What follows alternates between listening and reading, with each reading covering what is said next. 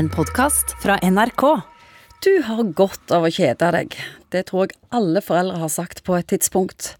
Samtidig gjør vi hva vi kan, både store og små, for å unngå å kjede oss. Psykolog Egon Hagen, hvorfor sier de voksne at barn har godt av å kjede seg? Ja, Jeg vet ikke om de sier det like mye nå i hvert fall som de gjorde før.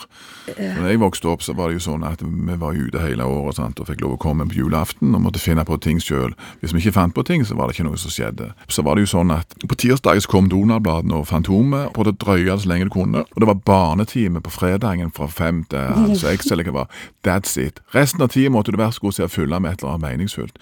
Så jeg tror nok at vi hadde en større Kjedsomhetsmuskelen var mer trent tidligere enn han er nå.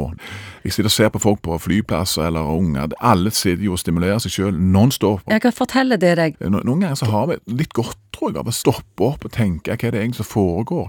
Og når du hele veien liksom er fordypa i et eller annet som er ute i den store verden, eller en eller annen sosial input fra en eller annen venninne, så er det klart at noe av denne tilstedeværelsen, det å bare være her og nå Vi som holder på å trene folk i dette, vi sier når du leker med ungene, så lek med ungene. Når du går en tur, så prøv å gå turen. Kjenn bein og treffe underlag, og kjenn vinden i ansiktet. altså. Hva oppnår en med det? Ja, det er større grad av nærvær, altså tilstedeværelse.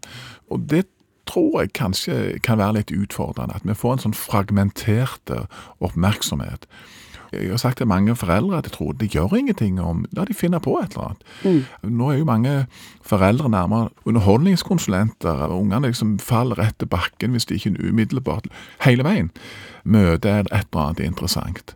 Altså Er du på hytta og det regner en dag, så er det ikke sikkert at det er nødvendig at du kjører de liksom 20 mil til nærmeste svømmehall.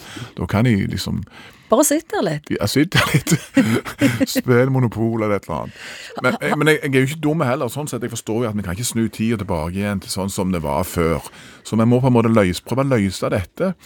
Finne en justering på kløtsjen der, tror jeg, som foreldre eller voksne, og i forhold til oss sjøl. Altså, jeg har gjort det sånn at på min telefon så jeg ikke vis varsler etter klokka fem på ettermiddagen.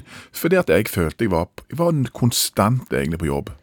Og som, og, eller folk kan ta på flymodus oftere. Hvor mange triks er du, da? Det er noen triks. Hvordan kan vi gjøre så prøve å stoppe noe av all denne stimuleringa som, som er med på kanskje å fragmentere dagen vår? Men for voksne er det jo ganske direkte helsefarlig å kjede seg. Det går i mat og alkohol.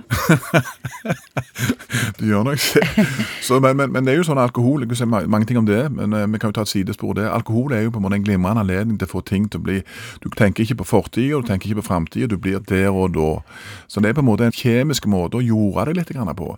Noen eh, sier de kjeder seg. Alltid. Handler det om intelligens? Nei, det handler ikke om intelligens, det handler om temperament og personlighet. Og noen har en større er sånn at de kan, så lenge liksom de har ei bok eller et eller annet sånt, eller så, så kan de sitte og fordype seg der hele helga.